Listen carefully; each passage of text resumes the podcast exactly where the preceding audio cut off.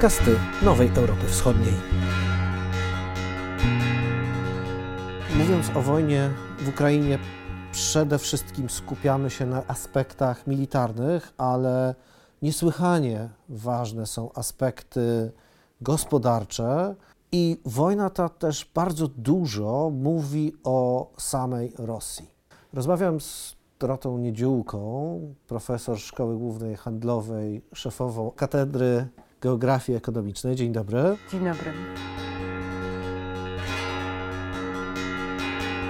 Ja mam bardzo głęboki tutaj konflikt. Patrząc na Rosję, na to, jak ją postrzegaliśmy przed wojną i tym, co się dzieje teraz, to mi się w ogóle nie składa w całość, bo widzimy wielkie projekty infrastrukturalne.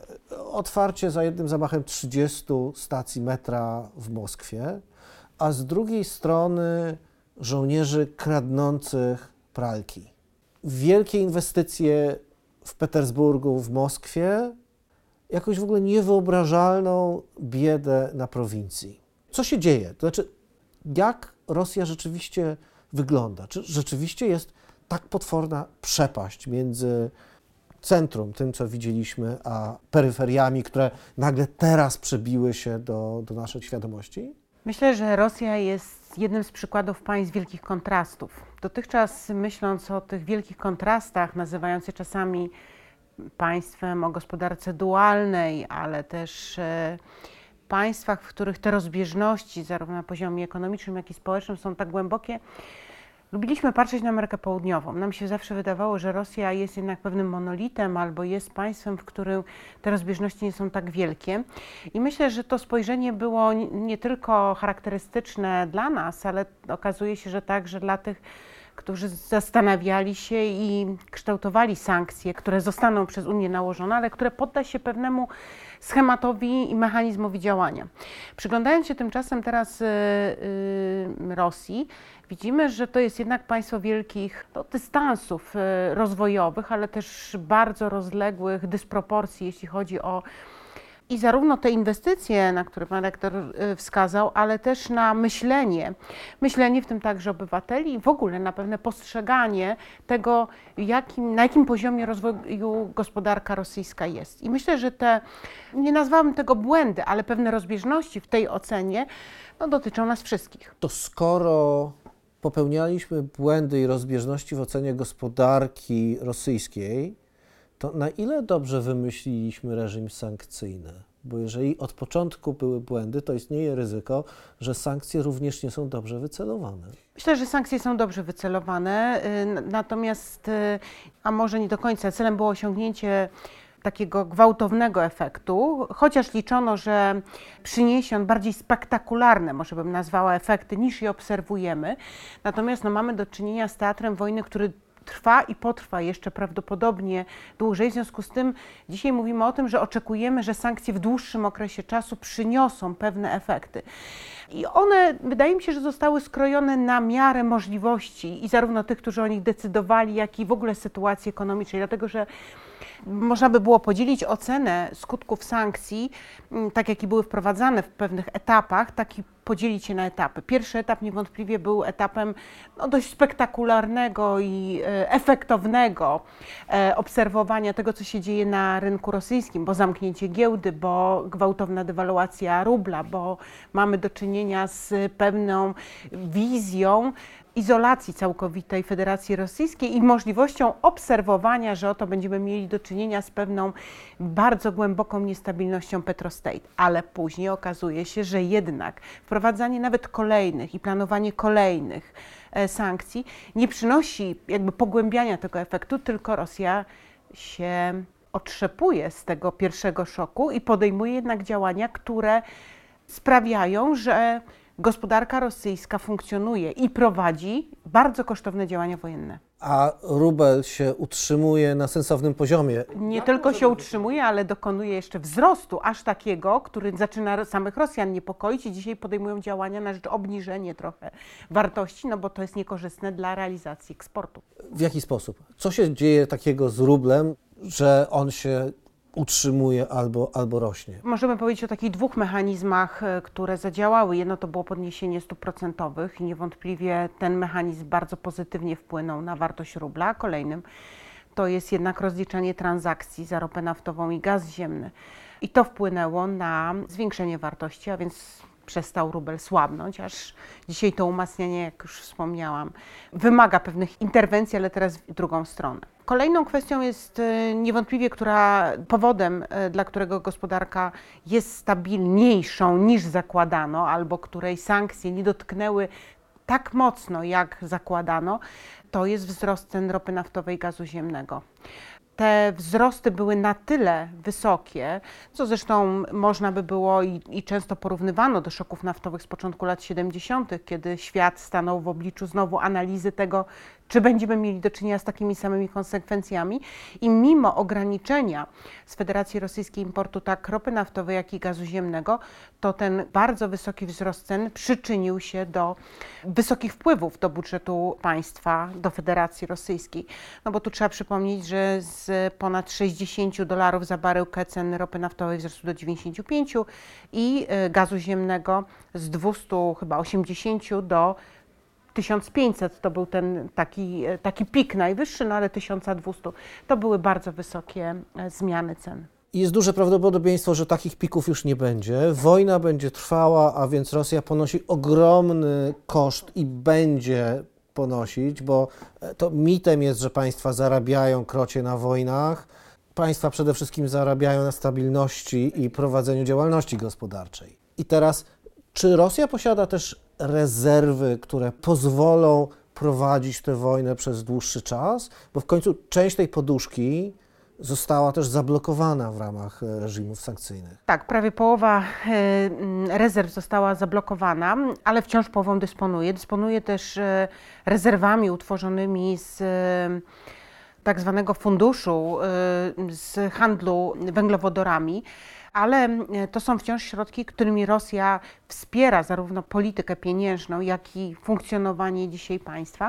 No ale proszę nie zapominać, że ona wciąż handluje pragnie zwiększyć e, intensywność swojej wymiany i z Chinami, i z pozostałymi państwami, a poza tym, wracając do tego pytania o skuteczność sankcji, e, część sankcji udało się jej ominąć, rozwijając handel z państwami spoza Unii, tymi, którzy w jakiś sposób nie podporządkowały się do tego ogólnego czy światowego potępienia e, wojny w Ukrainie i próbują obejść sankcje poprzez albo powoływanie podmiotów gospodarczych na terytorium Federacji Rosyjskiej. Wszystko ma swoją cenę.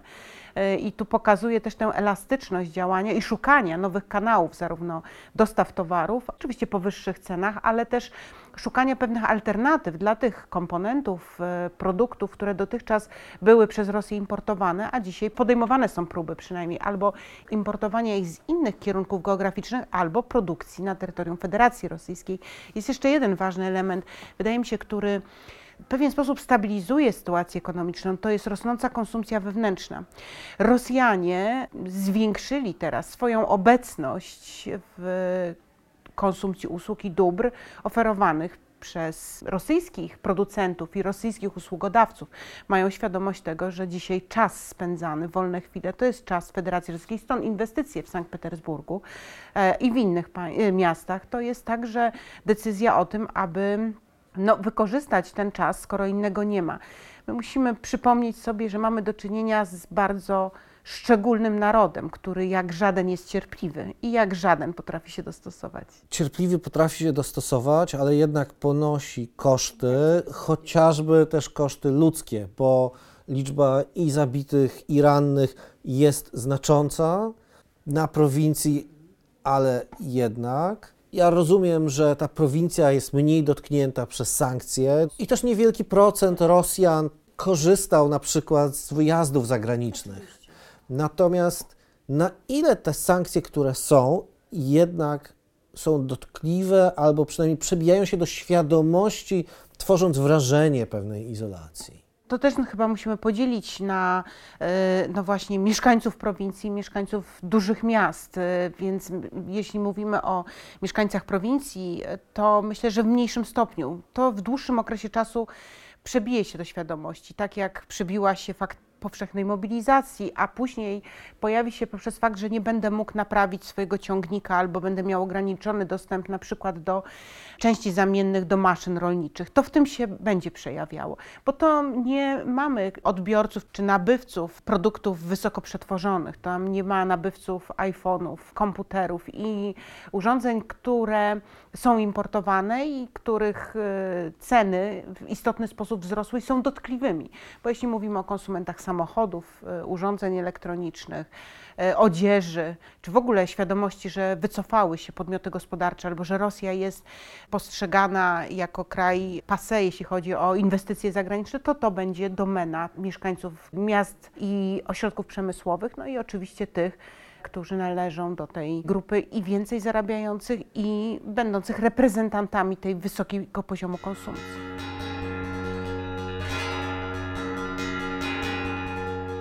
Wróćmy teraz do próby przekierowania gospodarki e, na obszary nieobjęte sankcjami. I tutaj natychmiast na myśl przychodzą Indie, a zwłaszcza Chiny.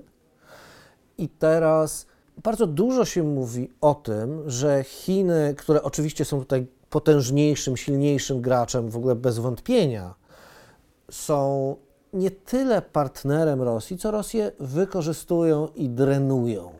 W związku z tym odnoszę wrażenie, że to by znaczyło, że Rosja może krótkoterminowo sobie poradzi i zyska jakieś zasoby potrzebne do prowadzenia wojny, ale na dłuższą metę jest to kierunek samobójczy. Na dłuższą metę nastąpi zmiana pozycji. No mamy do czynienia teraz z teatrem wojny i, i obserwacjami zachowań właściwie wszystkich uczestników, którzy pokazują zarówno swoje interesy, albo ich nie pokazują, a my się ich domyślamy, ale też proszę zauważyć, że trochę zmieniają swoje postawy i pewnie w trakcie przedłużających się działań wojennych i zwiększających się kosztów albo wzrostu utrudnień w dotychczasowych warunkach prowadzenia działalności gospodarczej, ale e, też e, budowania relacji politycznych te zmiany pewnych zachowań będziemy widzieli. Jeśli chodzi o Chiny, to bez wątpienia z jednej strony próbują zachować neutralność, ale tego w długim okresie się nie da. To można przy okazji jednego, dwóch spotkań, krótkiego okresu uznać, że póki co jestem obserwatorem, nie zająłem pozycji, ale w dłuższym okresie się nie da. Na razie widzimy, że Chiny próbują lawirować, chcąc w jakiś sposób e, utrzymać być może, że taką sytuację, dlatego że zaangażowanie Stanów Zjednoczonych w relacje z tego konfliktu i wojny w Ukrainie odsuwa trochę zaangażowanie w relacje Tajwan-Chiny. Po drugie, Chiny myślę, że obserwują zachowania i sprawdzają na ile te sojusze międzynarodowe, dotychczasowe układy międzynarodowe, też grupy interesów ekonomicznych mogłyby stanowić pewnego rodzaju odbicie w tych relacjach chińsko-amerykańskich albo w tej układzie negocjacji o Tajwanie. Myślę, że to jest y, pewna specyfika w ogóle oczywiście prowadzonej polityki przez Chiny, ale taka mm, obserwacja zachowań, to sprawdzam, na ile trwały jest ten sojusz, albo jaką grupę interesów tak naprawdę reprezentują y, państwa, jest domeną także innych graczy, które Pan tu wymienił, w tym teatrze wojny i w tym teatrze układów geopolitycznych, bo one wybrzmiewają co jakiś czas, czy to przy chociażby obserwacji, negocjacji towarzyszących i ostatecznie kształtu tak zwanej umowy zbożowej, potem negocjacji, na ile ona będzie długą albo na ile będzie skuteczną, a okazuje się, że jednak ta gra interesów ekonomicznych może przesądzać o tym, jaki jest kształt chociażby takich porozumień w trakcie wojny. Mówiła Pani o zmianach stanowisk, zmianach podejść poszczególnych graczy. Czy możemy też się spodziewać tego, że na przykład biznes niemiecki w pewnym momencie stwierdzi, że już nie chce z Rosjanami mieć nic do czynienia? Bo teraz rozmawiamy podczas okrągłego stołu Kolegium Europy Wschodniej poświęconego relacjom Niemiec, Polski, Ukrainy. I słyszymy, że 75% niemieckiego biznesu nadal albo prowadzi działalność w Rosji, albo zamroziła tę działalność, ale gotowa jest wrócić w każdej chwili. Wydaje mi się, że jeżeli ta wojna trwałaby naprawdę długo, ale pytanie jak długo, to jest znowu pytanie niewiadoma, co to znaczy długo, ale jeśli ten stan by się przedłużał, to myślę, że część z tych biznesmenów podjęłaby jednak e, decyzję o poszukiwaniu innego rynku, dlatego że można czekać oczywiście, ale zaczną zmieniać się warunki, zacznie zmieniać się rzeczywistość. My w pewien sposób żeśmy to obserwowali w trakcie pandemii, że można zatrzymać się, szukając pewnych alternatywnych dróg albo alternatywnych dostawców, ale po e, skróceniu tego okresu czy po zamknięciu okresu mm, nastąpił powrót. Natomiast gdyby to się przedłużyło, prawdopodobnie powstałyby nowe relacje, powstałyby nowe atrakcyjne miejsca dla lokalizacji działalności, bo jednak te warunki ekonomiczne też ulegają zmianie. Okazuje się, że pewna optyka i spojrzenie chociażby na dostępność zasobów, bo to myślę, że nie traktowałabym tego w kategoriach pewnego sentymentu albo resentymentu. Nie, będzie to raczej kalkulacja e, co do wielkości rynku, dostępności do komponentów, dostępności do zasobów. Więc w dłuższym okresie myślę, że może być poszukiwanie alternatywy, jeśli jednak wojna nie będzie trwała zbyt długo, Niemcy pozostaną jednym z ważniejszych partnerów dla Federacji Rosyjskiej. Czy myśli Pani, że jest możliwe w praktyce wprowadzenie na przykład sankcji wtórnych, o których mówili Amerykanie, czyli objęcie sankcjami krajów albo korporacji, które działają w sposób umożliwiający pomijanie tych pierwotnych sankcji? No coraz więcej mówi się na ten temat, że trzeba w pewien sposób uszczelnić ten system sankcyjny stworzony dotychczas poprzez właśnie te sankcje wtórne, dlatego że myślę, że nie tyle, że nie przewidziano, myślę, że mm, zdawano sobie sprawę, że może pojawić się taki mechanizm nadmiernego powstawania podmiotów gospodarczych w innych państwach, które okażą się podatne albo zdolne do tego, żeby jednak taką współpracę z Federacją Rosyjską y, utrzymywać. Natomiast ponieważ nie wiedziano kogo i w jakiej skali może to obejmować, odkładano tę decyzję na później. Poza tym myślę, że też liczono, że skutki sankcji będą bardziej wymierne, nawet w tym krótszym okresie, w związku z tym nawet nie trzeba będzie uszczelniać tego systemu, bo to wystarczy. No, trzeba zwrócić uwagę też na to, że po raz pierwszy mamy do czynienia jednak z pewnym bym powiedziała, bardzo takim wyraźnym i solidarnym głosem państw Unii Europejskiej, Stanów Zjednoczonych i Wielkiej Brytanii, które jednak widzą potrzebę nakładania tych sankcji. Myślę, że to już samo powinno być optymistyczne, a jeśli uda się je uszczelnić, to będzie to doświadczenie, które e, będzie wpływało też w pewien sposób w kolejnych latach na no i ocenę relacji pomiędzy państwami, ocenę z punktu widzenia y, inwestycji, bezpieczeństwa, y, perspektyw, możliwości, no jak i też y, powrotu do pewnych sojuszy w układach bilateralnych i multilateralnych, dlatego że my jesteśmy na etapie i wojna, i pandemia weryfikują dotychczasowy zachwyt nad globalizacją. I teraz pojawia się jednak pytanie, czy może oparcie na układach, które są w mniejszym zakresie przestrzennym, przy relatywnie lepszym rozpoznaniu partnera i jego lojalności, albo jego stabilności, albo bezpieczeństwa, nie są lepsze, bardziej opłacalne. Rosjanie prowadzą kampanię, która niszczy ogromną część sieci, infrastruktury energetycznej w tej chwili przede wszystkim Ukrainy. To z pewnością jest i będzie bardzo dotkliwe, bo w końcu zaczyna się zima. Natomiast czy świat zewnętrzny może w tej chwili w jakikolwiek sposób Ukraińcom pomóc poradzić sobie z tego skutkami? Ja nie mówię o obronie przeciwlotniczej, tylko o naprawie infrastruktury. Czy możemy jakoś pomóc Ukraińcom realnie przezimować? Pewnie tak i o taką pomoc prawdopodobnie władze Ukrainy zwrócą się, yy, dlatego że koszty wojny ponosi nie tylko Rosja, ale ogromne koszty ponosi Ukraina i te koszty są w pewien sposób współdzielone z yy, otoczeniem międzynarodowym, które wspiera i, i stara się pomagać, nie tylko militarnie, ale także gospodarczo. Natomiast cele infrastruktury, czy to elektroenergetycznej, czy przesyłowej, zawsze były celami militarnymi. Podejrzewam, że to będzie pewnego rodzaju walka z wiatrakami. Będą naprawiane, będzie i rząd przy pomocy wsparcia międzynarodowego starał się w jak najkrótszym czasie przywrócić dostęp do energii elektrycznej w miastach, ale one będą atakowane, bo to jest, tak jak Pan powiedział, dzisiaj bardzo skuteczne. Nadchodzi zima, to jest spektakularne, bo w relatywnie krótkim okresie czasu bardzo dotkliwe dla, dla dużej liczby ludności. Więc mamy do czynienia z kolejnym etapem wojny, w którym dochodzi właśnie do takich działań. Jeżeli ta wojna potrwa, a niestety może tak się zdarzyć, czy w jakiś sposób gospodarka ukraińska jest w stanie funkcjonować na tyle, by podtrzymać mieszkańców, funkcjonowanie społeczeństwa i jeżeli nie bardzo, to jaka może być potrzebna pomoc gospodarcza dla samej Ukrainy po to, żeby to państwo przetrwało jako funkcjonująca gospodarka? No jak w każdym okresie działań wojennych jest to niezwykle y, trudne. Y, Im dłużej będzie trwała, tym będzie bardziej dla Ukrainy wyniszczająca. Musimy pamiętać, że mamy do czynienia z zdecydowanie słabszym podmiotem gospodarczym niż Federacja Rosyjska, o której wcześniej rozmawialiśmy. Dobrze widać to na przykładzie chociażby mm, produkcji rolnej. Ukraina z tego tytułu ma wysokie wpływy i jak wiemy odgrywa bardzo ważną rolę w handlu międzynarodowym, ale też w zapewnianiu bezpieczeństwa żywnościowego państwom Afryki i Bliskiego Wschodu.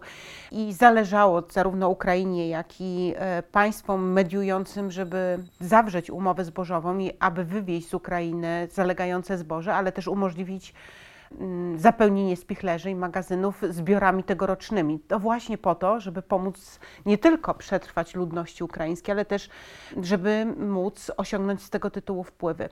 I to jest taki przykład działań, które musi podejmować otoczenie międzynarodowe, zarówno to mediujące, jak i to wpływające na partnerów i tych porozumień, aby Ukrainę w tym obszarze wesprzeć. Natomiast e, Ukraina jest też producentem, dzisiaj rozwija swoją działalność chociażby e, na potrzeby armii, czyli produkcja mundurów, rozwój pewnej działalności gospodarczej, którą ma świadomość, że przy na przykład zatrudnianiu kobiet, no bo też musimy patrzeć, że mamy do czynienia z krajem w stanie wojny, w którym mamy mężczyzn albo na froncie, albo e, zarabiających poza granicami, wspierających swoje rodziny, no w każdy możliwy układ, ale w którym to myślenie o pracy, to jest też myślenie o zatrudnianiu kobiet, więc wydaje mi się, że podejmowanie pewnych inicjatyw na rzecz rozwoju tej działalności gospodarczej, która z jednej strony pozwoli na utrzymanie tych budżetów domowych, a w szerszym zakresie utrzymanie produkcji chociażby na potrzeby wojenne, bądź przetwórstwa,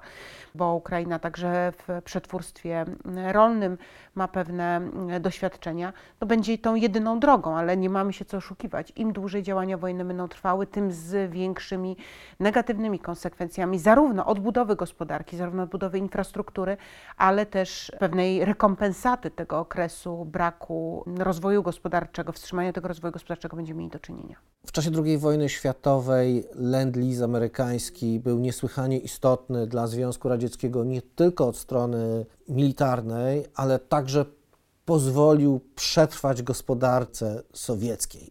To było zboże, to były mięso, puszki. Czy obecny Land-Lease amerykański może w ten sam sposób, czy w podobny sposób wesprzeć i pomóc Ukrainie przetrwać? No tak mi się wydaje, tylko trzeba móc go wdrożyć, żeby on funkcjonował. Także tutaj trzeba będzie obserwować i mam nadzieję trzymać kciuki, że Ukrainie uda się przetrwać ten czas. I uda się przetrwać, jeżeli ta wojna będzie się kończyła w miarę szybko i to zwycięstwem Ukrainy. Jeżeli w wyniku wojny Ukraina będzie krajem dysfunkcyjnym, to również gospodarka się e, nie podniesie. Dziękuję bardzo. Moją rozmówczynią była Dorota Niedziółka, Szkoła Główna Handlowa. Dziękuję Państwu bardzo.